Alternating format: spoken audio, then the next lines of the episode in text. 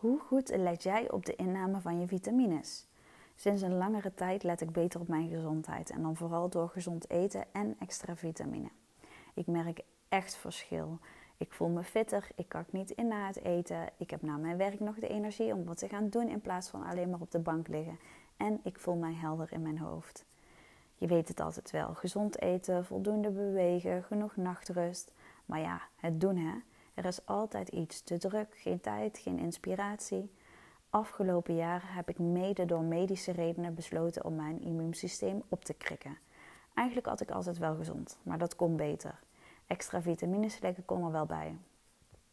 Sporten deed ik ook, maar dat kon beter. Wandelen deed ik sporadisch, dat kon beter. Voldoende rust en tijd nemen voor mezelf, dat kon ook beter. En door al deze dingen aan te pakken en bewuster kan ik zeggen dat ik mezelf zoveel beter voel. Ik snap dat mensen geen tijd hebben, maar je moet echt tijd maken om voor jezelf te zorgen.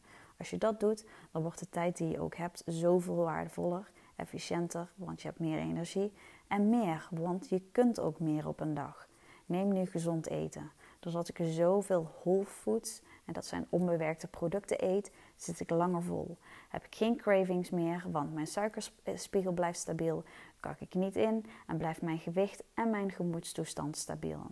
Ik slik ook extra vitamine bij en mijn vriend is al eens een paar keer verkouden geweest en ik ontspring de dans. Zal het komen door mijn sterk opgebouwde immuunsysteem? Who knows? Ik kan iedereen aanraden om beter voor jezelf te zorgen. Op korte en lange termijn heb je er zoveel profijt van. Pak die kans en zorg voor jezelf.